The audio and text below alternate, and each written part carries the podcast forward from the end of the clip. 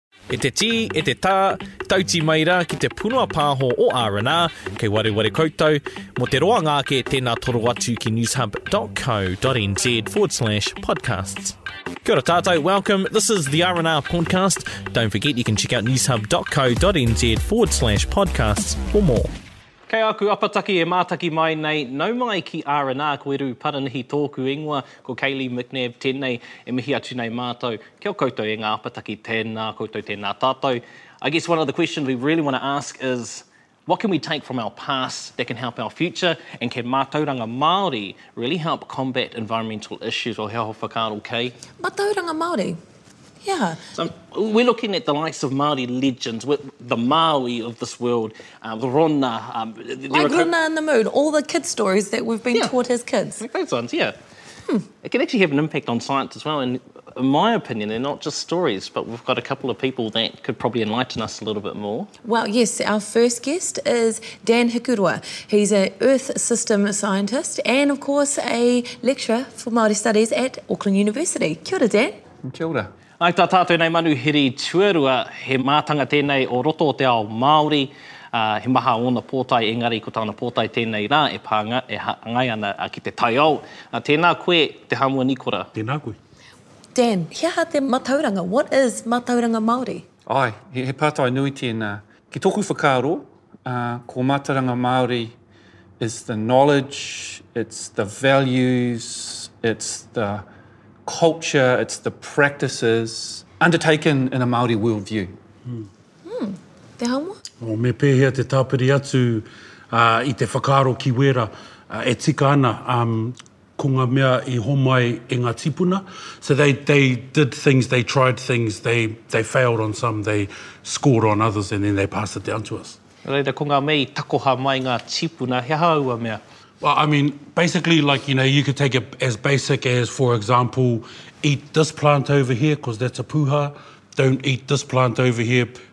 Because that's a poison ivy. Um, he, mea, he mea takoha mai tērā i ngā tipuna. Somebody ate the poison ivy and got a itchy throat, where somebody ate the, the pūhā and... E hāngai pea e ērā kōrero ki tērā e pā ana ki ngā huawhenua me ngā huarākau, the difference between like a tomato, knowing it's a fruit, but wisdom, knowing not to put it in a fruit salad. e hāngai pea ana tērā ki te mātauranga Māori, well, ki au nei. E, e, tika ana tāhau. Um, and he nui ngā āhuatanga ka pērā. Ko tētahi ka puta mai ki aku whakaaro ko te moe wahine, ko te, te momo o te wahine me moe te tāne, ko te momo o te tāne me moe te wahine. Tētahi kōrero o taku kuia, me moe tō tuāhine, marry one of your cousins so you don't argue about whose nanny you go to for Christmas. Tērā te mātauranga a ngā kuia, nē?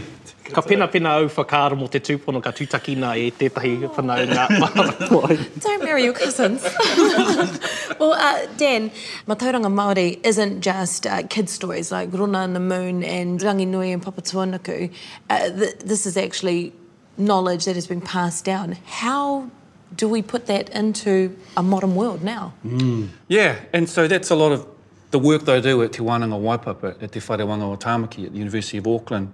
And so just building on Te Hamua's comment around, you know, you know the puha uh, but not the poison ivy, you know, there must have been some trial and error, particularly yeah. for other things that you have to process yet are still edible, like the karaka, for example. So that's one form of knowledge, it's the practical knowledge. But those purako that you're talking about, they are stories, but they are stories that are codified to include really important pieces of information for things like earthquakes, for things like landslides, flash floods, volcanic eruptions. The neat thing about Purako is that they are actually recording things that happened in the past, but putting it into story form and codifying it is the term we would use, you know, in, in the academic sense, codifying it in a way that our tamariki will pick up. Yeah. So if you said to them, oh, don't go over there because, you know, it's dangerous to swim in the corner, well, you know, as, as a child, I was like, oh, well, that's a challenge. You know, one of five boys and, you know, dozens of cousins, you know, you're trying to be the bravest. But it was like, oh, kare kaukau i tērā taha, he, he tani whā tēnā, mm, mm, ooh. Mm, mm. So we didn't swim then. Mm.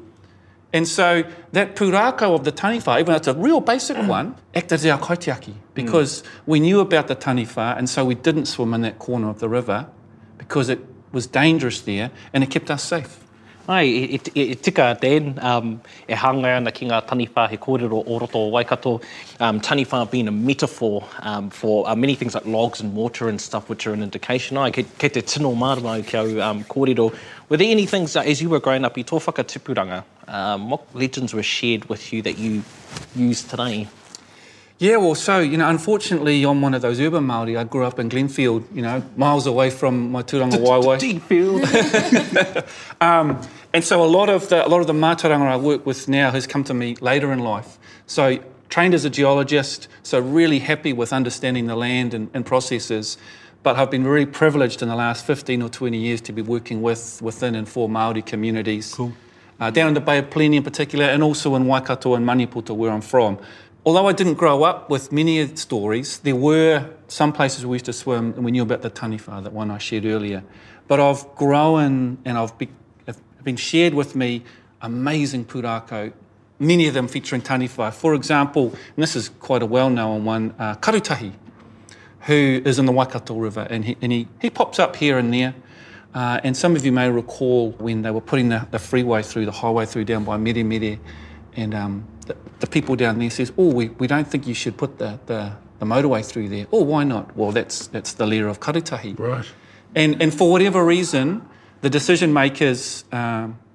decided to listen to that. And so they, they altered the course of the motorway, not very much. Mm.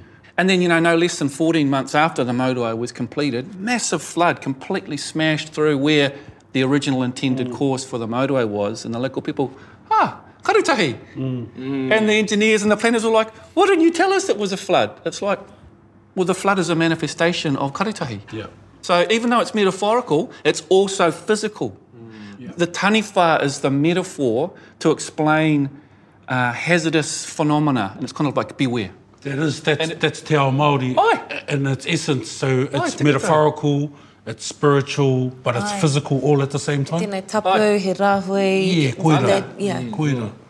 Pērā i ngā kōrero mō Māui me te hītanga mai o Te Ika-a-Māui, tērā tētahi wāhi hī ika i Te Tai Rāwhiti, ko Hikurangi, Hikurangi Ground Number One tōna ingoa, kei waho, kei waho rawa atu i te moana, and when you start coming into land, Hikurangi Maunga, As you get closer, and it's just, that's just what happens when you get closer to something, it gets bigger and bigger and bigger. So ko te kōrero mō tērā, ko te hītanga mai o Māui i a ia i konei, ka hī i te ika, ko Hikurangi ka puta mai i te moana. Um, so it's metaphorical, it's spiritual, but it's actually actual all at the same time. And to follow on from that,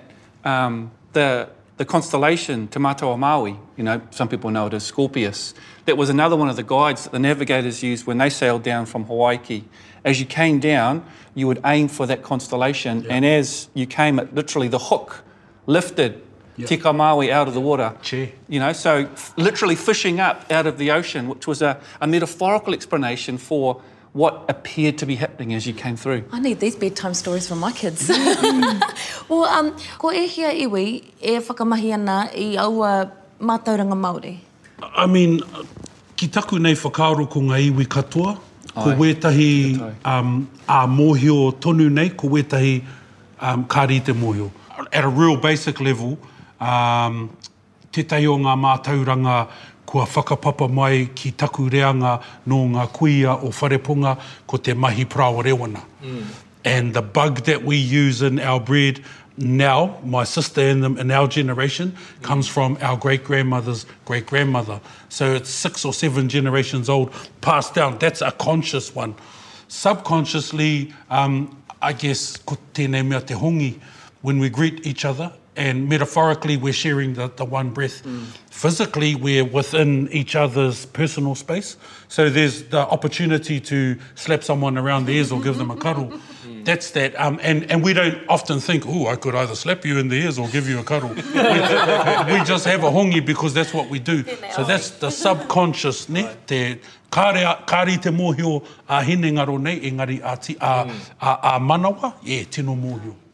mm.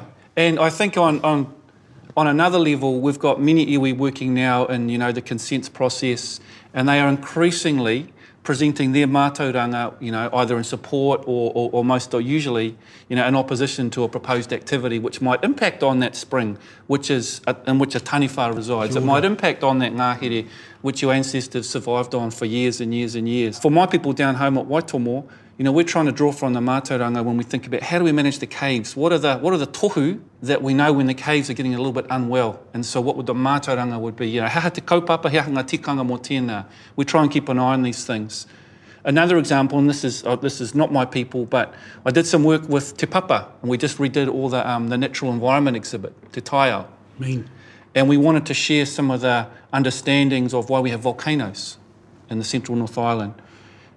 And so we looked for a geological explanation and then we went to Ngati Tuwharetoa.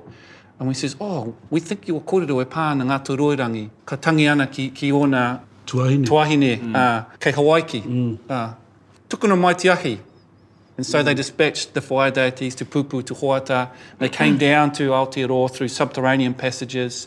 You know, there's a few variations of this, but where they popped up to see that they're on the right way, you know, Whakaari, Mautohora, mm. uh, Putauaki, Tamia, Tamia, Tamia, all the way through to the last place they popped up, Kite Tahi. Uh, the last ember they had in their kite, they spilt there and then Maturangi was warmed up.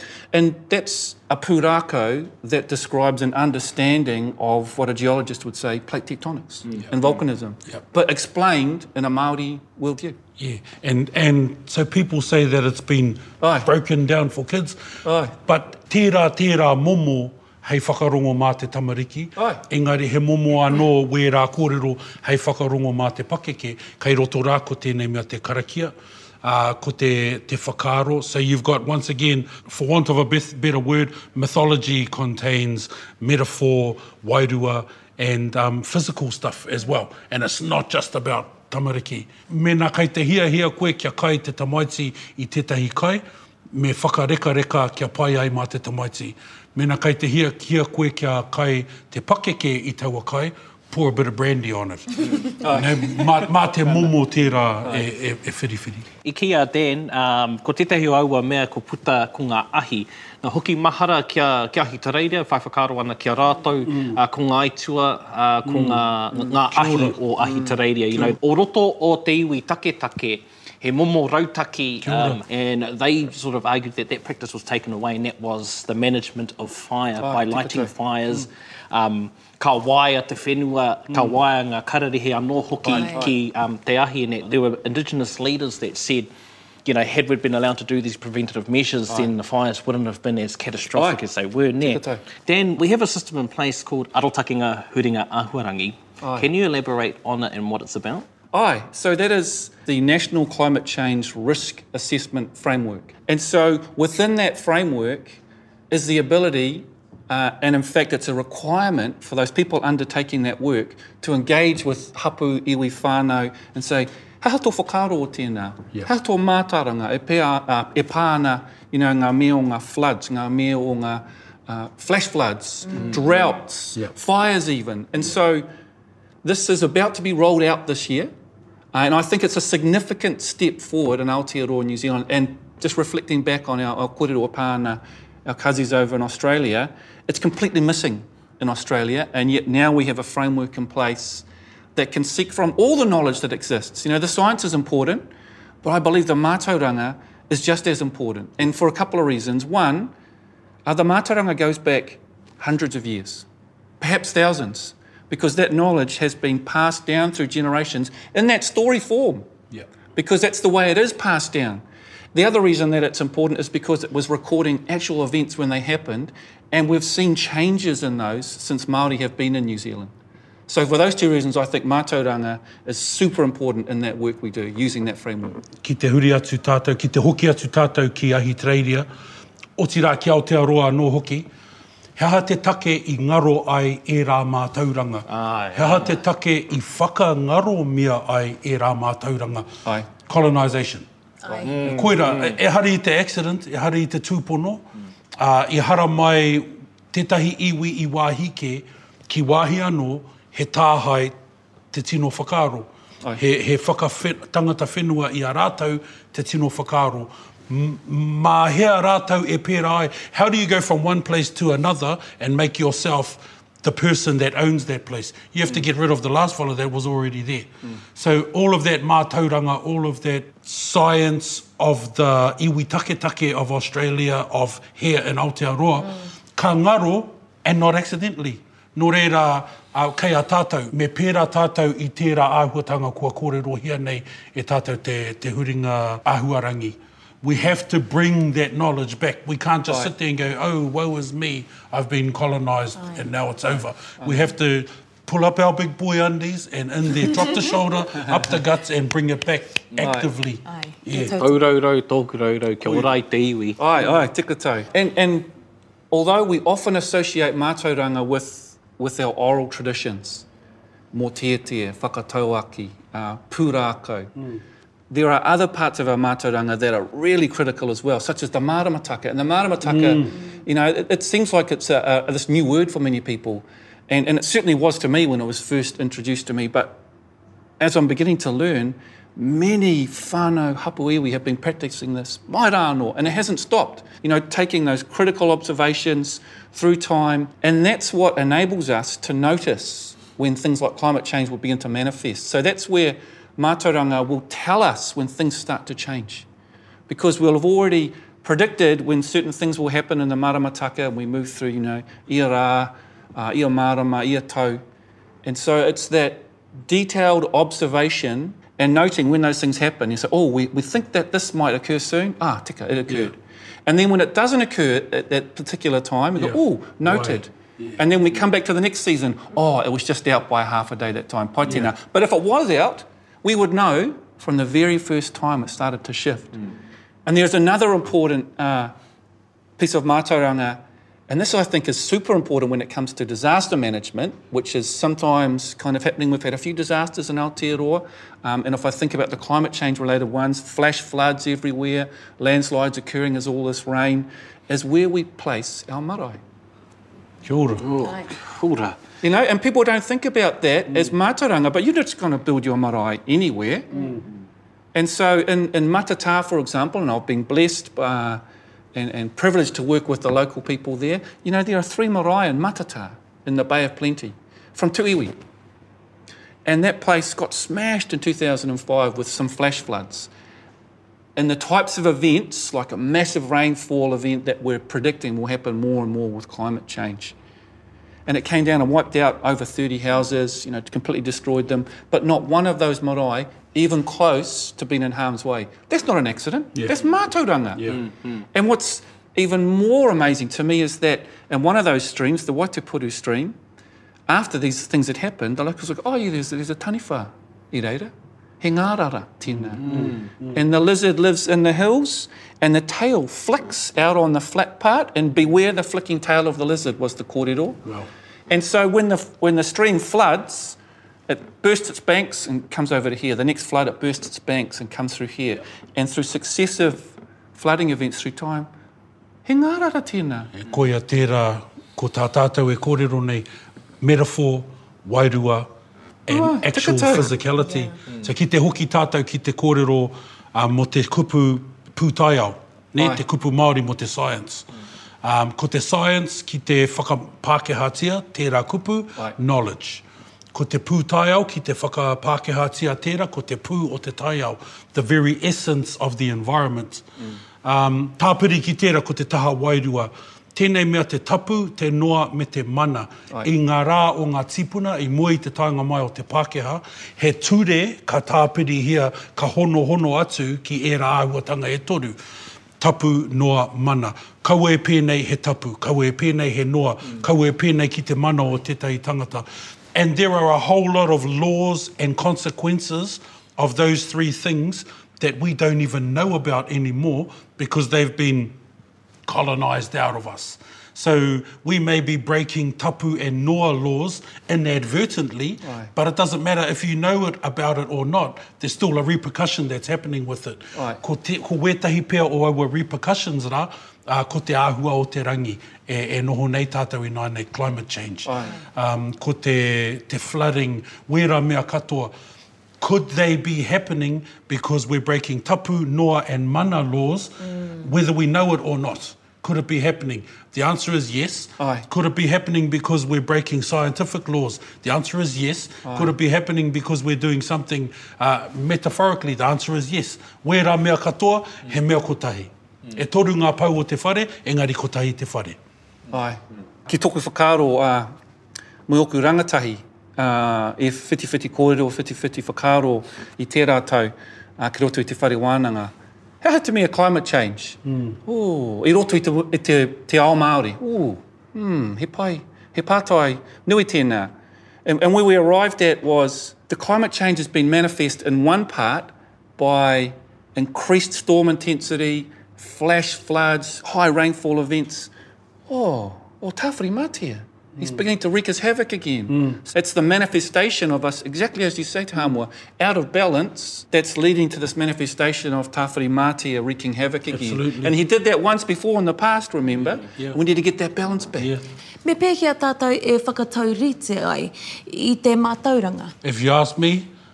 Mā te whakatū i tētahi Māori hei Pirimia mō Aotearoa. Should we be building our houses on Matauranga Maori like just like how we built our marae? We should build our whole country on Mātauranga Māori. Me whakahoki te mana whakahaere o tēnei whenua ki te iwi Māori. Mā te whakahoki mai te mana whakahaere o te whenua nei ki te iwi Māori mā reira ka tika ai. And then we can ask the questions, do we build houses here? Because you're asking the right person.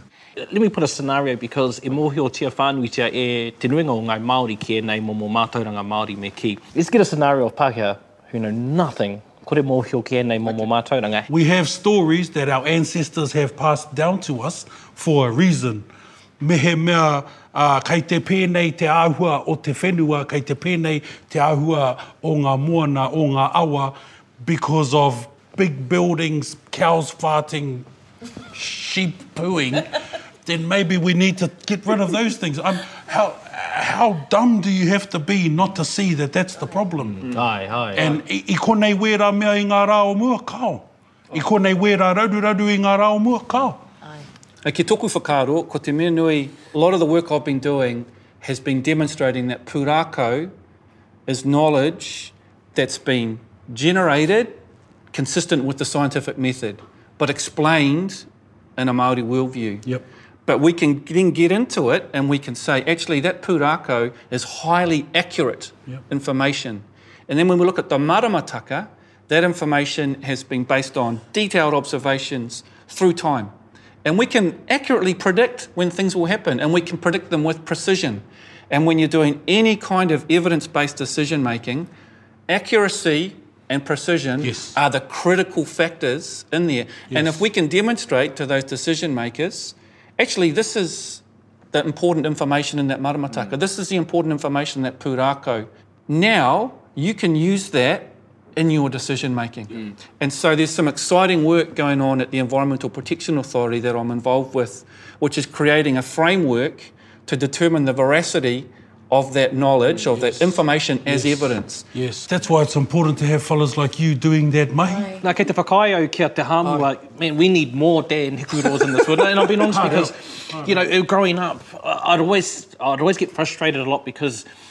you know, within Mātauranga Māori, you know, not to plant here, you just kind of know, but for me, uh, uh it's frustrating not being able to say why you don't. Scientifically, why? Yeah. yeah. And I think through the process of colonisation, uh, we have lost a lot of the practices we used to do. Yep. They used to test always that knowledge. Now, some people do who, who plant by the maramataka, if they say this is the right day to plant, they'll plant 80% of the crop on that day. They'll plant 10% the day before, they'll plant 10% the day after. Why?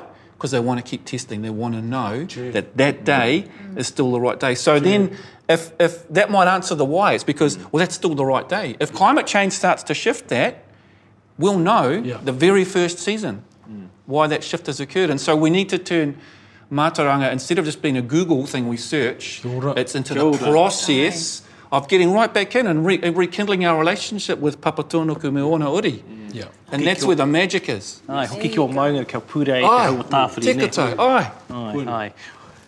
Whanau ma, kua pau te wa ki a tatou, that is us, I'd love to have an eight hour special but unfortunately he wa ano pea a mo aua korero, mai a maua ko Kaylee e mihi ana ki a tatou nei manuhiri tenei ra ki a Dan Hikuroa korua ko Te Aumua Nikora, otira whanau he aha te kai a te rangatira, he korero, he korero, he korero, he aha te kai a RNR, He muramura, he muramura, he muramura, mā te wā. You've been listening to the R&R podcast. Go to newshub.co.nz forward slash podcasts to hear more. Kua whakarongo koe ki te punua pāho o R&R? Mō te roanga ake, tēnā toro atu ki newshub.co.nz forward slash podcasts.